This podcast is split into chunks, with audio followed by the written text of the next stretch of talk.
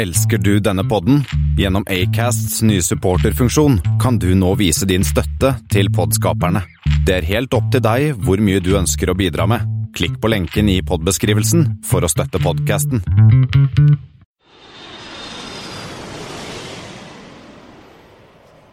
Hei, velkommen om bord på Flypoddens flight 19, hvor vi skal snakke om strandede statseide flyselskaper og en og annen mulig strandet kjempehval av et fly.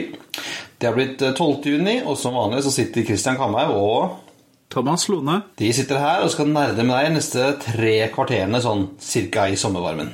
Har det blitt noe flying på deg siden sist, Thomas? Ja, det har det. Det er, har ikke vært i Texas, men det har vært litt Texas.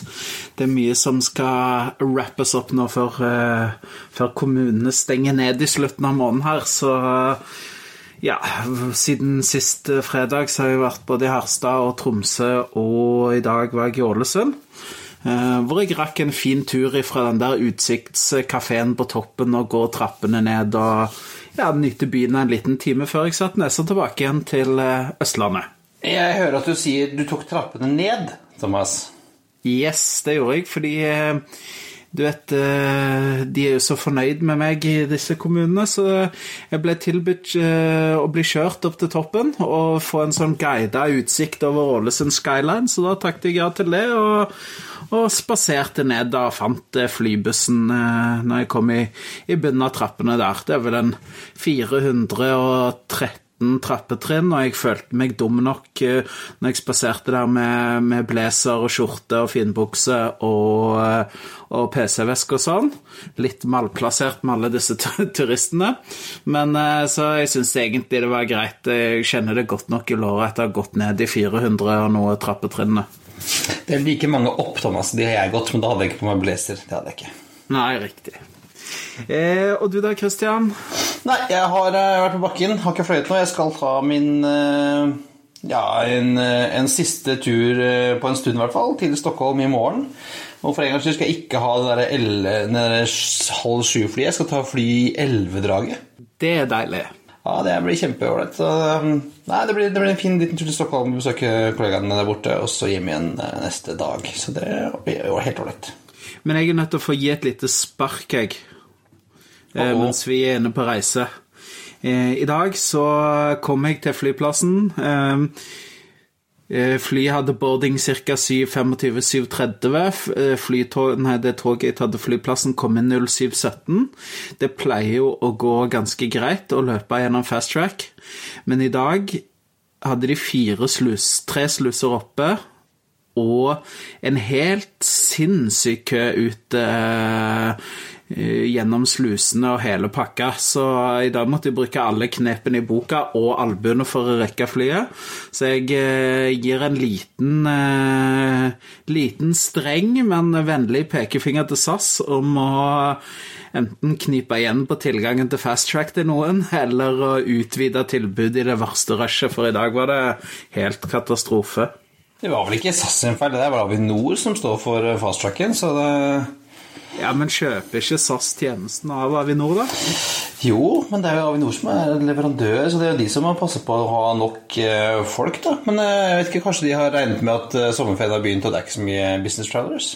Hvem vet jeg? Nei, det, det, var i hvert fall fullt med business travelers i dag. Det skal jeg love deg. Så Det merker jeg jo på produksjonen til SAS òg, mens vi skal være inne på det, og Norwegian. For jeg har booka litt reiser i slutten av måneden her. Og det er jo nesten umulig å komme seg rundt i Norge med fornuftige flytider nå, fordi at det er Man merker hvor produksjonen at den blir flytta fra Norge og Norden og til mer sydlige breddegrader. Ja, det, det har vi jo snakket om tidligere, at, at uh, flyselskapene har blitt flinkere nå til å, til å tilpasse um, produksjonen etter, etter etterspørselen. Og det er jo sånn vi må bare innse Thomas, at det er jo ikke business travelers som er, som er nummer én nå framover. Nå er det jo ferie, fritid og folk i sandaler. Og fotballandslag. Jeg ser jo SAS har både flydd det svenske og det danske landslaget. Er det noe fotball her? Ja, det, der er noe i Russland som heter Ah, ja, fotball-VM. Ja. Ok, ok. Ja. Yes. ja, skal vi gå og se på, på flynyhetene, Thomas? Ja, det har uh, skjedd litt. Uh, jeg må ærlig innrømme med den, uh, den, uka som har vært nå, så har jeg ikke fått holdt meg helt up to date. Men du er jo en god news-surfer, Christian, og har funnet mye nyheter vi kan ta tak i. Ja, altså det er Vi sa jo i innledningen at vi snakket om statseide elefanter, kan man nesten kalle det. For vi skal faktisk både til Zimbabwe og India i dag. Eh, litt, sånn litt utenfor allfarvei for vi, hvor vi pleier å være. Men altså, de eh, fleste land i verden har jo kuttet ut sånne statseide monopolistflyselskaper. Eh, privatisert og, og, prøver å unngå det. Unngå det. Bortsett fra i Zimbabwe. Der holder det ikke med ett statseid flyselskap. Rimelig skakkjørt, men de skal nå ha to. ja, det er jo det er så herlig. Det er liksom Zimbabwe av alle land. Det er ikke akkurat som om de sliter nok med statsfinansene fra før av inflasjon og det ene med det andre. Nettopp blitt kvitt eh, Mugabe, så skal de klinke til med to nye flyselskaper. Ja, for har, altså de, Zimbabwe har jo fløyet siden 67, hvor det het sånn Air eller noe. Uh, og det er jo ja, uh, Som så veldig mye annet dessverre i Zimbabwe, så er det ganske skakkjørt. Det, i, I 2011 sluttet de å fly til Gatwick, ganske enkelt fordi at et av flyene ble tatt i arrest fordi de hadde ikke betalt regningene sine. Riktig, så da er litt eh, den, den, bransjen kjenner jo du til, Christian? Ja, altså i kassoverden, det betaler ikke det. Og det er jo faren da med, med, med uh, sånne assets som fly, at hvis du uh, hvis du tar dem med deg et annet sted og ikke betaler, så kan folk faktisk eh, ta rest i de, og da får de ikke tilbake igjen.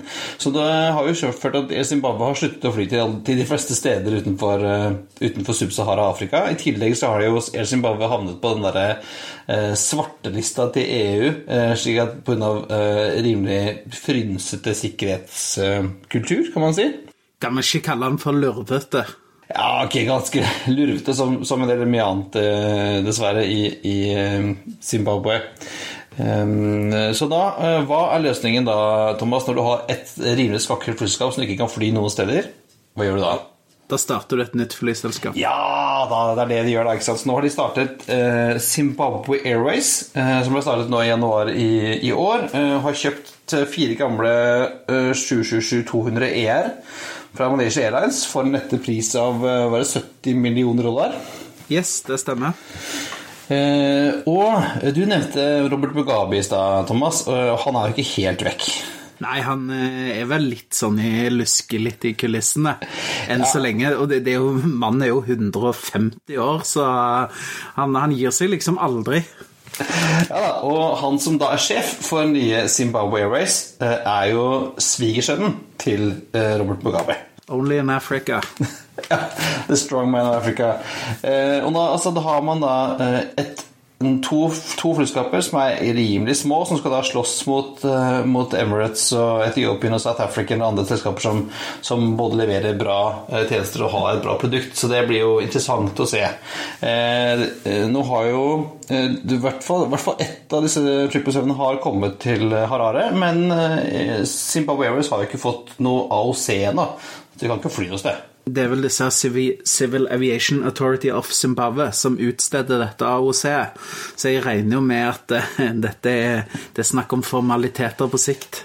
Ja da, den dukker nok opp, den, den tillatelsen. Nå skal vi se hvem som uh, skriver ut den. Uh, men altså uh, Følg med, folkens. Eh, Zimbabwe, Air Zimbabwe og Zimbabwe Airways eh, står klare for å fly deg til Harare om du har lyst. Ja, og så kan det være, for jeg leste vel òg Jeg tror de har eh, skulle ha tak i noe jungeljetter òg. Jeg tror det var en åtte ERJ jungelgjetterne. Jeg er ikke helt sikker på hvilke størrelse av embrane de skulle ha, men de sier i hvert fall at de har tinga åtte ERJ-er, brukte, og de har det ser ut som Inntil nå, da, så har de på en måte De har bestilt fire da 777 og åtte Airder, men de har bare ordna funding for to 777-er og én EAJ.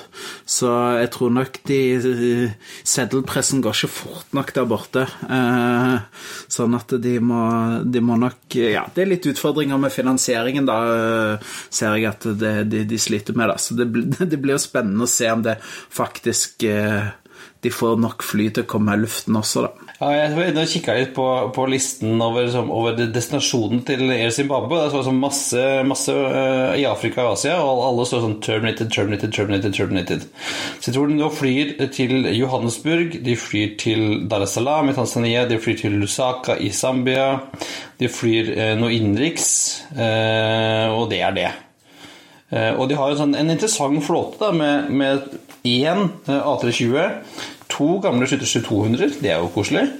Eh, to skyttersky 200 hvor den ene eh, virker, og den andre tydeligvis ikke virker. Og så har de én sånn Xian MA60 fra Kina, som de sikkert har fått eh, mer eller mindre gratis fra kineserne, tror jeg.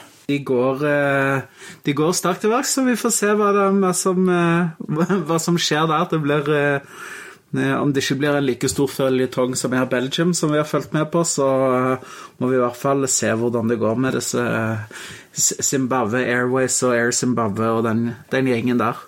Hello, Afrika. Oh yes. Et lite steinkast Ok, kanskje et litt langt steinkast fra Zimbabwe.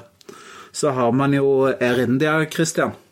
Vurderer du å dra sjekkheftet ditt og feriepengene og sparepengene til ungene og kjøpe et flyselskap? Ja, for at, altså, det er jo min drøm. Du vet jo, Thomas, min drøm har alltid vært å eie et flyselskap. Uh, og Air India er jo et av flere som er til salgs. Uh, indiske staten eier 76 av aksjene i Air India Group, som også er Air India Express, og halvparten av Air India um, um, ground handling-selskap. Uh, de hadde et, et, et, tilbud ute, ba om å få bud, interessante bud, og den fristen gikk ut nå 31. mai. Og Har det kommet inn noe bud? Det kom altså Kan jeg få en drum roll? Hold meg, jeg holder meg fast. Ingen bud. Ingen bud, nei. Ingen bud. Ingen som vil kjøpe. Um, og det kan vel også være, ha noe av grunnen at en eventuelt kjøper må overta halvparten av selskapets gjeld. Riktig. Og hvor store summer snakker vi om da? Altså, det Gjelden som Air India har i dag, er på 59 milliarder kroner. Ja, så det er greit. Du kjøper et flyselskap, men du får med deg litt eh, gammel moro på kjøpet i tillegg. Ja, Så om jeg ga én krone for det selskapet, så ville jeg da hatt det vinnende budet, men jeg måtte da overtatt da en nesten 30 milliarder kroner i gjeld, som jeg har litt problemer med å skaffe. Men tro, tror du at man hadde fått kjøpt det for uh, Som hadde lagt inn bud på 100 dollares? Ja, altså det måtte jo hatt en, en Jeg tror du måtte hatt en businessplan eh, og en plan på hvordan du skulle håndtere både gjeld og de 38 000 ansatte som det selskapet har. Uh, og det er, jo ikke, det er jo ikke første gang man har kjøpt, kunne kjøpe selskapet for ingenting. Jeg tror uh, Bråten i sin tid betalte en krone for uh, Transweed. men igjen så var det da at man overtok da en masse forpliktelser da, og leasingavtaler og sånn at det ble jo ikke noe, en så bra deal. så er det sånn I gamle dager når du kunne kjøpe en mobiltelefon for en krone, så var det sånn at det kosta ikke en krone. Det kosta jo noe mer. Det gjorde det absolutt, så det er jo um, og, og, Men jeg tenker nå kjenner ikke jeg så godt til det indiske markedet, men jeg har hørt at innenriksmarkedet i India er jo ganske stort. I tillegg til så det jo, har det jo mye trafikk både mot Storbritannia, mot Emiratene osv. Så, videre. så jeg tenker det må jo, det må jo være muligheter for å tjene penger der. Eh, spørsmålet, spørsmålet er vel kanskje om Air India er såpass skakkskjørt at uh, det å starte med blanke ark kanskje hadde vært det beste? Ja, og det, altså det som er Problemet jeg skjønt med India altså Air India først er jo en, en basketcase. Vi har snakket om, eh, om basketcase før, som Alitalia f.eks. Men Air India har jo lenge vært eh, et, et problemselskap. Og det tyder at de har en del problemer internt også. Det er jo ikke lenge siden eh, det kom nyheter om at det var en, en slåsskamp i cockpit blant Air India-crew. Eh, det har vært en del sånne fylleepisoder. Det har vært Air India-kapteiner ble tatt for å fly i fylla. Det har ganske sterke fagforeninger som er selvfølgelig veldig negative til privatiseringen. Og de, de tolker dette mangel på et bud som en seier for seg. dem om det. Og så er det jo Problemet med India er jo at det er så mye reguleringer veldig vanskelig å tjene penger og fly, gjøre business i India. Er, eh, hvis du skal eh, starte et selskap, så må du ha en ganske, ganske, lang søknadsprosess. Og for å få lov til å fly utenriks, så må du først ha fløyet ganske mange år innenriks før du kan fly utenriks. Det er, sånn, det, det, det, det er, ikke, er ikke, så lett uh, å, å, få ting til å fly i India. Ja, der har vi jo Vi har jo et flyselskap som jeg syns var en litt sånn pussig case, da. Du hadde jo disse Kingfisher, som var i, som var i India.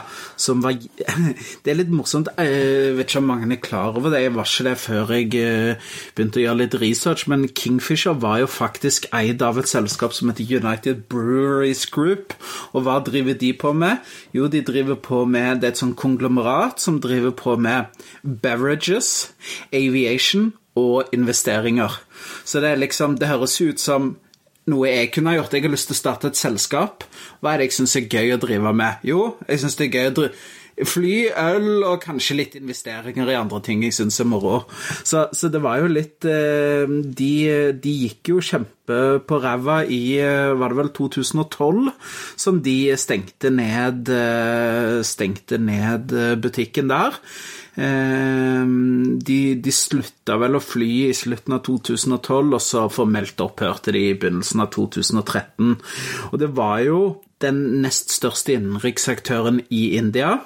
Hadde bestilt 380 og greier. De hadde bestilt A380, ja, og de sto vel lenge også i, uh, i Toulouse. Så ble de vel solgt til Transaero, tror jeg. Som heller aldri tok dem? Som heller aldri tok dem, så, så eh, jeg vet ikke om, om, det er de A380-ene som er forheksa, sånn at de, de, som tar i de, går konken. Det vet jeg ikke, men men, men der òg var det en kombinasjon av ekstremt høy gjeld, eh, sterke fagforeninger, eh, som gjorde det at eh, Rett og slett at eh, de var rett til skifteretten og konkurs. Ja, så hadde jo en sjef som var litt koko òg, Han var jo, han var jo klin gæren, han eh, som også var sjefen for United Brewers. Og det, det morsomme er jo at hvis du er på indisk restaurant, så har de gjerne Kingfisher-øl. Eh, som er den, har samme logo som flyselskapet hadde. Så hver gang jeg er på indisk restaurant, så kjøper jeg alltid Kingfisher. Og så tenker jeg at oi, oi, tenk på at det kunne vært verdens kuleste flyselskap, men det ble det ikke. Nei, det, det gikk dårlig, gitt. og men eh, så, så, jeg tror det at uh, det er kanskje et uforløst potensial i India i forhold til det store markedet. Det er jo, hvis du ser, ser, på, ser på, Kina, da. Ok, de, Arealmessig så er Kina større, uh, men se hvor mye flyselskaper og hvor mye innenrikstrafikk det er der, og utenrikstrafikk og etc., etc. Det burde jo være marked for en del store flyselskaper i et land som India. Eh, men, det er jo ja, det er veldig få som, som, klarer å nå opp til den der størrelsen som, som eh, da Air India har, f.eks., eller sånn som, eh, sånn som, Kingfisher. Ja, de, de hadde vel strengt tatt bare en 30-35 fly, men det er jo allikevel en god størrelse på, på et flyselskap. Så ja, jeg skjønner meg ikke på det indiske markedet. Det er litt pussig, Christian. Nei, Kanskje vi skulle få snakket med noen indere etter hvert og se hva, gå litt dypere inn. for Det er et, som sagt, interessant marked. Det er stort. Det er en milliard mennesker som bor der. og, og eh, en stor andel, eh, ganske mange millioner indere, som, eller av, av, mennesker av indisk herkomst, som bor i andre deler av verden. Ja, det er det. Eh, og det er jo Air India eh, er jo blitt en, en, en, lillebror i det indiske markedet. Eh, Indigo er jo største, største flyselskapet, fulgt av Jet Airways og Jet Light, og så kom Air India på en tredjeplass. Så vi, vi skulle gjort et lite dypdykk i det markedet og sett litt hva som, eh, hva som rørte seg der. Det er noe for en senere episode. Vi, vi må videre i sendingen, som det heter.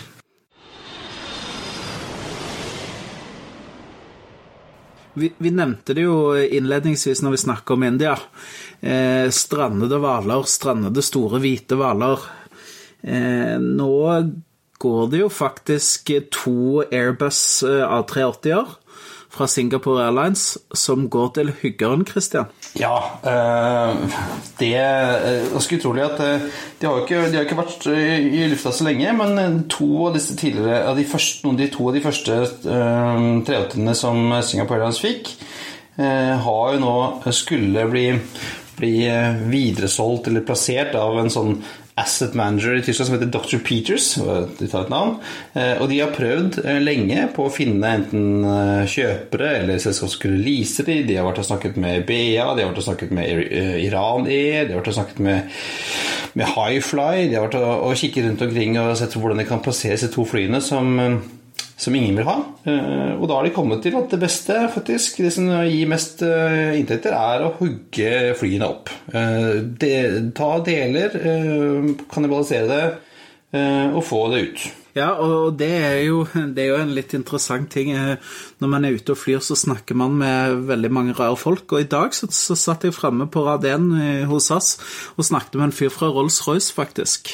Eh, Riktignok eh, Marine. Yes. Yes, Marine-divisjonen.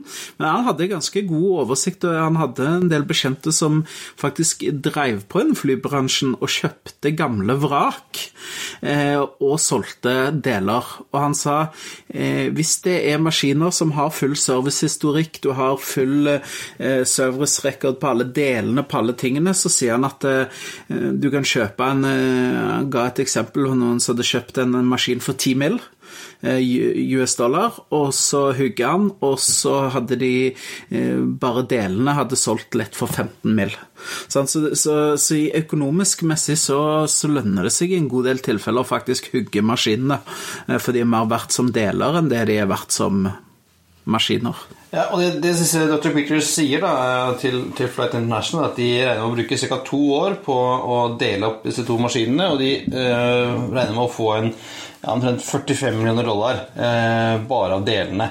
Og så har du motorene, ikke sant, som du også kan eh, selge eller leie ut. og det visste ikke jeg, men altså, du kan faktisk leie, leie ut motorer for, for sånn mange hundre tusen dollar i måneden. Ja, det er, det er, sant, og det òg burde vi ha en podd om. Men måten man finansierer motorer på, er jo utrolig spennende. Altså, det er jo ikke gitt at man bare kjøper motorene lenger. Altså, ofte så kanskje leaser man de og betaler per enhet kraft brukt per tidsenhet. Så altså man betaler faktisk for den kraften man bruker til en gitt tid, eh, og så har man en avregning i forhold til det.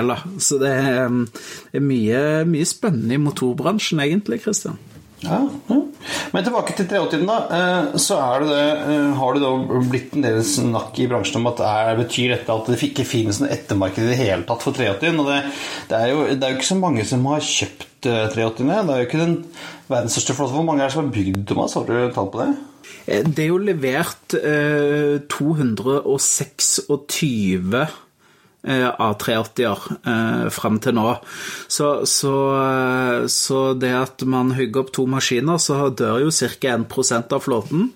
Eh, så, så, det er jo vel en 331 bestillinger. Det har jo faktisk kommet en del bestillinger i år, eh, første gang på mange år, siden, helt siden 2014. var sist gang det kom på en måte noe bestillinger som monner.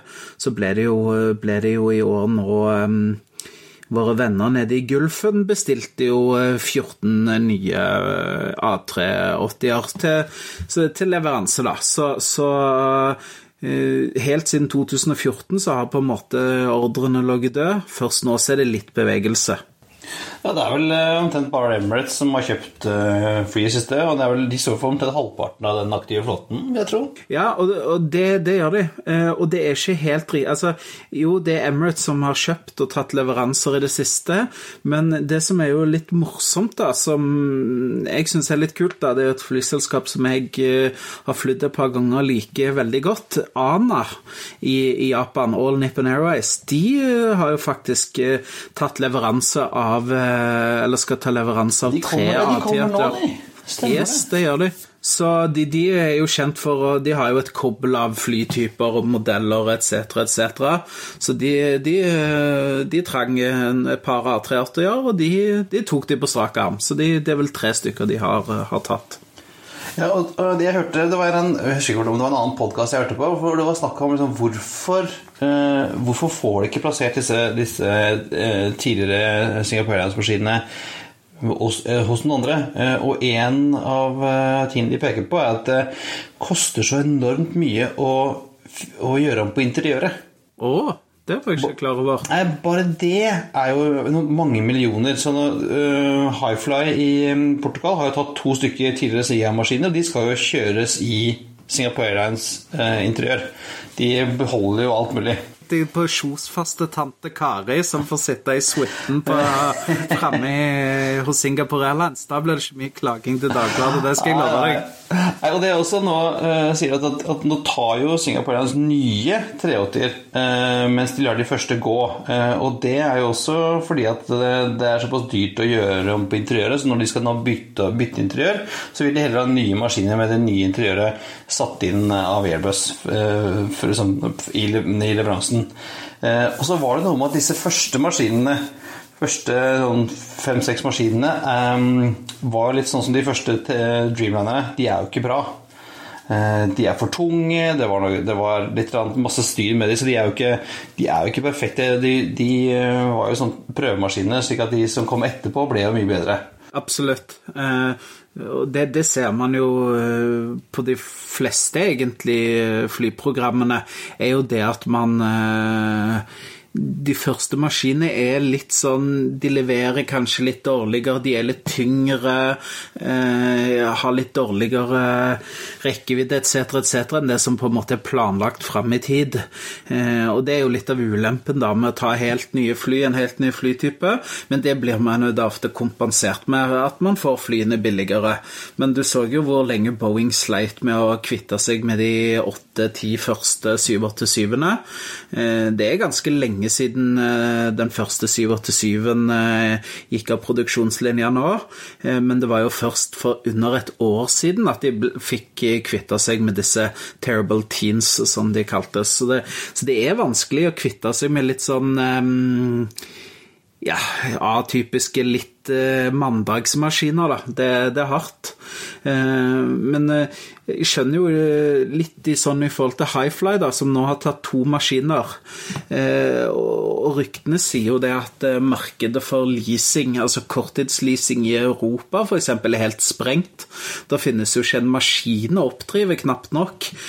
Så, så hvis man tenker hvis man hadde trodd at det markedet hadde fortsatt å være like sterkt, så, så skjønner jeg ikke altså, De har jo allerede tatt noen av disse gamle, i gåsetegn, dårlige maskinene. Eh, Highfly har jo tatt maskinen med produksjonsnummer fem og seks. Eh, mens de som Singapore faser ut nå, er maskinene med produksjonsnummer seks og åtte. Så det er jo, eh, det er jo samme type maskiner, holdt jeg på å si. Man vet hva man får. Eh, men men det, jeg vet jo ikke hvilke hvilke bakgrunn som ligger, eller hvilke vurderinger som har gjort når Highfly har tatt de to de har tatt. da. Så, men, eh, men eh, jeg vil nok tippe at de ble kontakta og har sikkert fått en veldig god pris hvis de ønsker å ta de, men eh, selv med det så, så har de takka nei. Ja, litt som om hvis du ble spurt for eh, to-tre år siden om du ville kjøpe eh, Eller om du gikk til en, en eh, eiendomsmegler i Spania og sa at du ville kjøpe et hus i Spania, så spørs, fikk vi spørsmål om du ville ha to for samme prisen. Eh, Det er litt Ja. sånn Get it off my hands, liksom. Men men det, det, er jo altså spørsmålet liksom, hva Fins det i det hele tatt noe ettermarked for, for 380-ene? Um, det fins jo ingen, ingen fraktversjon av 380-ene. FedEx skulle kjøpe, men, men kansellerte. Og spørsmålet er om, om det tatt går an å bygge om dobbeltdekkerne til frakt, altså. Ja, det, det kommer vel litt an på hvor mye Hvor mye ø, opp, ø- det øvre dekket tåler vekt, da. Eh, Som kanskje er litt av den eh, begrensende faktoren. Kanskje de er nødt til å forsterke gulvet. eh, Jeg vet ikke, men skal jo ikke se bort ifra med 35 år så rusler sånn sli, slitne A380-er ut fra Memphis og, og, og Hongkong og andre steder. Men, men det, er jo, det er jo som du sier, altså A380-frakteren var, den var jo tiltenkt, men, men ble kansellert. Eh, nå er jo en annen utfordring med A380 òg, som vi hører, at den er jo ikke så god på frakt som f.eks. en 777 eller en 787 eller en A350. Eh, den, den pusher grensa på maks takeoff-vekt. Ja, Du tenker på, på bellyfrakt? Ja, det tenker jeg på. Mm. Så, så, det er jo også et moment som sikkert har gjort at den er kanskje litt vanskeligere å selge, fordi at eh, hvis du baserer litt av passasjerflyvningene dine på å ha med en god del frakt, så, så er A380 ganske dårlig på det, altså. Um, det er jo ikke det, Og det er en av grunnene til jeg tror at man får Det er heller før at man får se to eh, Emirates 777 på Gardermoen framfor én A380. Eh, nettopp pga. de store volumene med frakt som går med Emirates eh, ned til Dubai. Eh, og skulle de satt inn en A380, så, så, så melder de seg nesten ut av fraktmarkedet, for da blir det så lite frakt de kan ta med seg. Så, så mitt stalltips der da, er heller en eh, Hvis Emirates tenker ut videre eh, For Terje Grue i Emirates korrigerer meg hvis jeg tar feil her, men eh, jeg tenker det at man ser en, en en 777 eh, nummer to før man ser en A380 eh, i Oslo. Ja, og folk jeg har snakket med på, på OC sier at de vil jo ikke ha A380 heller, egentlig. Eh, for da må de jo bygge om der ute. Og det, ikke, altså, det finnes jo ikke plass. Ja, det, ja, og det er nok litt også av utfordringen til A380, er jo det at det kreves så utrolig mye infrastruktur rundt den maskinen. Eh, det er ikke bare for eh, flyselskap å kjøpe A380-er og svinge dem rundt hvor du måtte passe dem. Det er jo faktisk bare et visst antall eh, flyplasser som kaller det godkjent for A380. Og der tror jeg f.eks.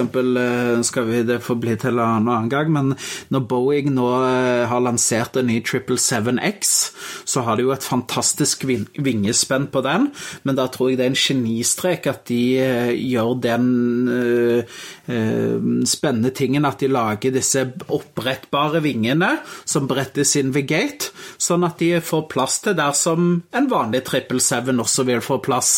Så det ville jo blitt helt kaos hvis man F.eks. Eh, hos Emirates måtte utvide alle gatene fordi at de kjøper den nye 777X, og, og eh, man kan bare plassere fly på annenhver gate bortover fordi at de nye maskinene er en eh, var det 7-8 meter større vingespenn.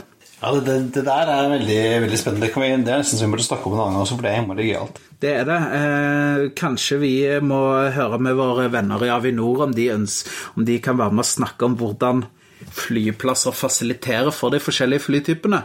Nå er det jo, eh, nå sporer vi helt av her, men ja. Eh, jeg, har, jeg, har, jo sett noen bilder fra Gardermoen den siste uka der de eh, bruker noe gaffeltrucker og noen hjulastere og tester noen nye gater. Gate 40, tror jeg det blir, eller gamle Gate 40 da i Gåstein, skal jo da mm, skal jo da bli ha to sånn gangbroer. Eh, og de har drevet og testa, og det skal være en sånn multipurpose-type gangbro, sånn at de kan ha ett et stort widebody på gaten eller to små eh, sånn type 737-fly eh, på samme gaten. Så det ble utrolig spennende. Så, så, kanskje vi kunne snakke litt om det, rett og slett. Det, det, kan være, det, det, kan vi få til i løpet av juni, tror jeg. Ja. Men skal vi tilbake til 380? Nå har vi vært ute ja. på, på, på galeien. Um, Nå har vi vært ute på viddene. du har kikket litt eh, på, på, tallene der, Thomas. Ja, øh, og det er jo Det er ingen flyselskap som kjøper mange A380-er. Ja, bortsett fra ett, da. Bortsett fra ett, selvfølgelig. Eh, man har jo Singapore, som har en anselig eh, flåte. Eh, tatt, har bestilt 24 og har levert, fått levert 21. Så det er jo greit. Emirates er jo helt, spiller i en helt annen liga. De har fått levert 102 maskiner. Eh, og har bestilt 162. Det morsomme også, og det vet jeg helt hvorfor de har gjort, men Emirates har gjort det eneste som, som eneste flyselskap, så har de også valgt to forskjellige motorer. Både fra Rolls-Royce og fra Engine Alliance. Så det er jo også litt morsomt at ca. 90 av maskinene er Engine Alliance, og ca. 52, eller 52 til nå, er bestemt med Rolls-Royce. Så de, de bytter litt imellom. Men ellers er det jo Det ligger rundt 10-12 maskiner stort sett uh, rundt baut. Thai Airways har seks, uh, Asiana har seks, uh, China Southern har fem. Malaysia Airlines har seks, men de har vel kanskje kvitta seg med noen? Ja, de skal, er jo Planen der er de skal jo sette ut 380 i et eget selskap som skal bare fly charter og hajj og, og sånne ting. Litt kanskje i konkurranse med med Highfly, da. Ja, riktig. Det ble spennende å si. Jeg syns jeg leste noe om det, at de, at de da um, ja, at de skal fokusere på sånn hajj-flyvninger, ja. Mm. Så da gønner de vel på med 853 seter, eller hva det er. Også... ja, det er vel noe sånt som er maksen, tror jeg. Og plass noen geiter da. Ja, det er sånn, har sånne egne geiter oppå hattehulla. De, de, mhm. fjerner, de fjerner hattehullene, og så setter de sånn Som du har sett på sånne gamle fly, bare sånn netting, vet du. Ja. oh, ja, mye, mye moro man kan gjøre. Så det er, jo, det er jo en veldig eksklusiv klubb, da, eh, som, som har tatt disse A380-ene. Eh, det blir som sagt solgt lite av dem per flyselskap, så det er litt vanskelig å se annenhåndsmarked for A380-er, i og med at det er såpass store både infrastrukturgrep, eh, investeringer man må gjøre som flyplass, eh, og som selskap, så er det liksom det er en ganske stor commitment da, som må gjøres for, hvis man skal ta i bruk en A380. Jeg syns det er ganske modig, egentlig, av Highfly å, um, å ta to stykker. Eh, så det blir utrolig spennende å se på hvordan de får brukt disse A380-ene. Eh, du har jo sånn som disse Vamos Air, som har noe, en 747 og sånn, så de flyr en del sånn um, uh, chartra flighter med når uh, Norwegian eller andre strander, så får de med seg masse folk der. Uh, så ja, det blir utrolig spennende å følge med på. Kan, altså, du kan alltids fylle en 380 fra Oslo til, til Keeplass på sommeren. og uh, typ sånn til, tilbringer til um, til cruise, f.eks., eh, kan det brukes. Men det er sånn at det krever litt altså, Vanskelig å få deg til å, til å fly ordentlig i en, i en sånn mer sånn tradisjonell person, altså med et fly som skal betales. Så nei, jeg, veldig, jeg, tror, jeg, tror, ikke de, disse to fra Singapore tror ikke de er de første eh, De er jo de første, men de er ikke de siste eh, som kommer til å ende opp som, som colabokser, altså. Nei, og jeg, jeg har jo tatt kontakt via LinkedIn med disse brødrene i Highfly og hørt om vi kan få snakke litt med dem. Så det blir jo spennende å se da, hvis vi kan få snakke litt med dem om hva planene er. Og kommer de, altså, og, og tenkte jeg på, Vi, vi, vi som, som, er sånn nerds, vi vil gjerne ha fly på museum etter hvert, men hvor i all verden skal du plassere en 380 på et museum? Det er jo ikke mange museer som har en 747. Det er vel det Delta-museet i Atlanta, og så er det det her Teknikkmuseum i, i, Tyskland, og så er det jo den her eh, i, i Nederland som har en eh, og så står det jo en på Le Bourget også i Paris, men det er jo ikke så mange som har, som har plass til den type fly på et museum heller. Jeg, jeg tenker ørken. Jeg tenker varmt. Jeg tenker Dubai. Eh, de er galne nok, og på en måte med den historien de har hatt med så mange de har bestilt, så, så ser jeg for meg at den første, og kanskje eneste A380 havner på, på, et eller annet display i Dubai, altså. Ja, vi får, eh, vi får se. Vi, vi, tror nok det, jeg tror nok det blir spennende å se om, om det fins det hele tatt noe annonsemarked for 380, men det jo, er jo flere nå som er på vei ut av av Singapore Airlines, så har jeg vel tippa at også Emirates, eh, noen av de eldste fra Emirates, etter hvert skal finne andre ting eh, å gjøre. Og da blir det spennende å se hva som skjer med de. Det gjør det. Hva tror du, Thomas? Eh, tommel opp, tommel ned. Hadde, hadde du investert i en brukt 83? Ja, hvis de kunne hatt den som et privatfly. Litt vanskelig å komme seg ned på Vigra med, kanskje, men nei. Øh, uh, hvis man skal bare ta to steg tilbake, så tror jeg at eh, Airbus de lanserte A380 bitte litt for tidlig. Eh, det er litt for lite karbon, det er litt og komposittmaterialer. Det er litt for mye vekt. Det er kanskje litt for stort. Jeg ser at han superselgeren, han, han John Leathy, sier det at A380 han er ikke død. Dette kommer vi til å selge mye av framover.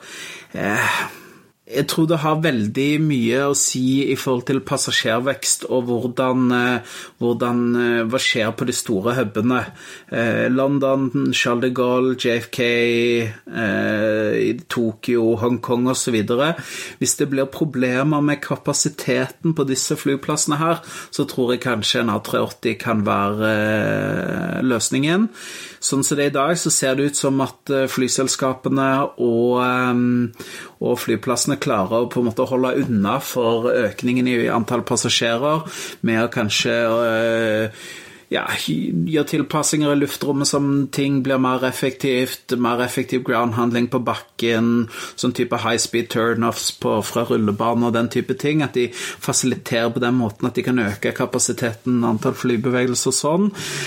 Og flyselskapene setter inn større maskiner. De oppgraderer gjerne fra en A330 til en eh, 7879 eller A350 eller Ja, at de har det, det å spille på. Så jeg tror i løpet av fem år så får vi se hva, hva, fasiten blir. Det er litt vanskelig å si med å se, men jeg sier tja med et stort med, med et veldig stort forbehold. Altså, jeg, jeg, er litt skeptisk, altså. Det er jeg. Da eh, konkluderer vi med det, og så um, tenker jeg at vi går til uh, ukens anbefaling, Thomas. Ja. Eh, det kan vi gjøre. Eh, nå anbefalte jeg eh, en bit av opphugga fly sist, som man kan ha som nøkkelring. Så da er det jo bare rett og rimelig at du kan anbefale noe denne gangen. Kan man snart kjøpe en bit av en 380, tenker jeg. Jeg har lyst til å anbefale en annen podkast faktisk denne gangen igjen. Har vi gjort før. Ja. Den, den heter PAXX, altså P-A-X-E-X. PAXX podkast. Eh, hvor de sitter og snakker om The Passenger Airline Passenger Experience. Det fins også et magasin som heter, eh, som heter, Experience, som du finner på apex.aero, eh, som tar for seg mye av de samme tingene. Og her snakker de da om eh, alt det som har å gjøre med, med opplevelsen, eh, enten om bord eller på bakken eh, på flyplassene. Uh, og, og, denne siste episoden jeg hørte, så snakket de litt om, om in-flight in uh, entertainment, om filmer om bord, om, uh, om, connectivity, og så hadde de et lite, et lite innslag om noe som jeg syns er gøy, og det var toaletter. Det, det syns jeg også er spennende. Jeg er jo jeg, jo, jeg er en toalettenes mann. Jeg legger jo mye kan si mye om toaletter. Så det, det vil jeg få med meg, Kristian. Altså, altså, altså Paxex-podkasten interessant. Det er en um, amerikaner, en Max, Max Flight, uh, og en dame som heter Mary Kirby, som driver også dette, dette um, Runway Girl Network, som er, er som et, en, en, en, en blogg uh, for, for om kvinner i luftfartsbransjen. Og det kan jo være et behov med tanke på uh, vår venn Ali eh, Al-Bakar sin sleivete omtaling av, av kvinner i sjefsstolen fra forrige uke. Men, men heter han faktisk Max Flight? Jeg tror ikke han heter det, men det er vel hans, det er vel hans nom de guerre, tenker jeg. Vi fikk ikke med hva det heter. Men, men det en, en veldig interessant podkast. Den kommer litt sånn Eh, kommer ikke ut så eh, ofte som vår. Eh, kommer litt sånn, sånn spredt, plutselig så dukker det opp igjen. Men ha den Jeg anbefaler å abonnere på den, og plutselig så dukker det opp en episode. Og så gjerne i forbindelse med at de er på Um, en interior-konferanse som er i Hamburg, eller de er på en sånn annen konferanse. Uh, kommer mye interessant, uh, har en del interessante gjester de snakker med også, så det anbefales. Ja, og apropos sånn uh utgivelse og hvor ofte man kommer ut og sånn, så kan vi jo si at vi har jo en intensjon om å gi ut podkasten vår i sommer. Eh, men vi går jo inn i ferietid. Uh, og det er litt sånn Man er gjerne på hytta eller er litt borte. Så vi, ja, vi, vi, vi, har en, vi, har vel et mål, Christian, om å prøve å få til hver torsdag. Men eh, imellom eh, ja, slutten av juni og begynnelsen av august så kan vi vel ikke garantere det. Skal vi si det sånn? vi, vi skal prøve, men kan, eh, det er ikke sikkert at kvaliteten er alltid like god, for vi må også gjøre, det, gjøre det på hytta og gjøre det, gjøre det via noe, noe mobil eh, eh, connections og sånn, så det kan hende at det er litt dårlig kvalitet, men vi ønsker å komme ut en gang i uka, i hvert fall. Fremdeles. Søndag og sommeren. Og vi har jo en jubileumspodkast neste uke, nummer 20. Vi har holdt det gående i fire måneder, Christian. Tenk det. Nei, helt utrolig. Altså. Nummer flight 20 skal vi altså lande neste uke. Ehm, vi, har ikke, vi har ikke funnet noe tema ennå, så hvis noen har noen forslag, så er det bare å sende det inn til hallo.flypodden.no, så skal vi se om ikke vi kan eh, prate litt om ditt favorittema. Eh, hvis ikke, så blir det doer. Ja, flydoer. Ja. Men eh, det var alt for i dag. Eh, gå inn på flypodden.no for å finne lenker til det vi har snakket om i dag. Eh, ikke glem å abonnere på oss i eh, iTunes eller i din eh, favorittpodkast-app, og gi oss gjerne en fin rating. Har ikke vi akkurat fått noen nye, noen nye kommentarer på Jo, vi har fått en del siden sist. Eh, Nå har ikke jeg iTunes på denne PC-en her, Kristian, så du, her, får fyr, du får fyre opp, og så får vi gå igjennom eh, Vi har tid til å gå igjennom de eh, kommentarene. Ja, skal vi se. Her har vi fått en fra Torbjørn Krøvel. Han kjenner jeg faktisk godt. Han jobber i Widerøe. Eh, han skriver på Klin norsk endelig en podkast som eh, femner om oss som er over snittet interessert i fly og flyplasser. Godt jobba, karer. Takk skal du ha. Han gir oss fire stjerner. Det, det, jeg syns det var litt kjipt, jeg. Fire stjerner. Det var jo bare positivt. Hva trekker han for? Nei, det må vi, Torbjørn, det må du gjerne fortelle oss om hvorfor du ikke gir oss fem. Thomas blir så, så grinete når han bare får fire. Ja, folk må stå for meningene sine, tenker jeg. Vi har fått en femmer her fra Darth Oslo som sier kjempefin podkast fra alle avgeeks. Enkelt og greit. Gi oss smiley face. Eh, Og så har vi fått en fra Doro328. Han gir oss eh, hun, Håvard heter han. Han gir oss eh, fem stjerner. Sier dette var et tilbud jeg ikke visste eh, at jeg savnet, men nå klarer jeg meg ikke uten. Tusen takk for, flott, for flotte podkaststykk og nerdete nyheter for oss som elsker luftfart. Vær så god, Håvard. Det var bare hyggelig. Og det var alle, og tusen takk for det. Eh, spesielt eh, Vi setter veldig pris på når dere skriver, gir oss en kommentar i tillegg til eh, stjernene, så det setter vi stor pris på. Det gjør også at vi hopper opp på lista over de beste podkastene i Norge. Det gjør det. Eh, Du finner oss også på Twitter, at flypodden, på facebook.com, skråstrek flypodden, ha- og på Instagram, søk etter Flypodden. Har du tips, spørsmål, vil du være gjest, eller kanskje du vil sponse oss, ja, da sender du oss en mail på hallo at flypodden.no. Takk for nå, og velkommen om bord neste uke.